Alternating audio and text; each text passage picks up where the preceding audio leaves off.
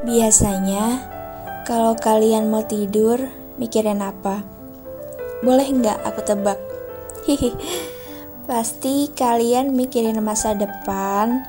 Kadang-kadang juga pasti kalian sering banding-bandingin hidup kalian dengan hidup orang lain. Selain itu, pasti kalian juga memiliki keraguan dan ketakutan untuk melangkah. Iya kan? Pokok overthinking gitu. Sama kok. Hihi. Kadang, buat nenangin diri sendiri yang lagi insecure dan overthinking parah, aku selalu bilang ke diri aku sendiri kayak gini. Kita boleh buat mikirin gimana ke depannya hidup kita nanti, tapi mungkin alangkah lebih baiknya pikirin dan jalani hidup yang sudah ada di depan mata kita dulu. Belajar dari pengalaman kalau hidup terus dipikirin, nantinya kayak maju enggak, mundur juga enggak. Jadi ya stuck gitu. Bukankah hidup itu proses dan setiap dari kita punya kesempatan yang sama loh.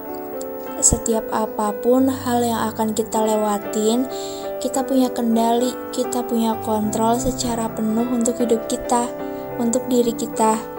Jangan sampai kita buru-buru pengen ngelompatin beberapa bagian dari proses hidup kita demi mencapai tujuan yang tanpa proses.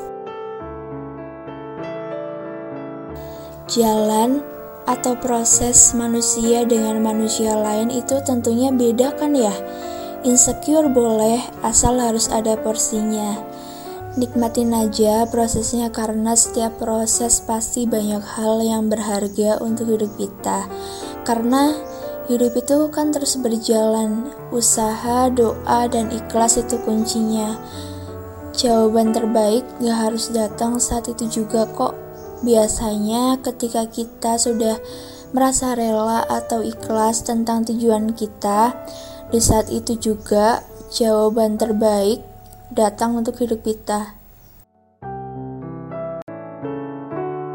Kalian sedang mendengarkan trailer dari podcast Senda Sendu, podcast yang akan berbicara tentang perjalanan dalam proses kehidupan, bangkit, tumbuh, dan mungkin cinta.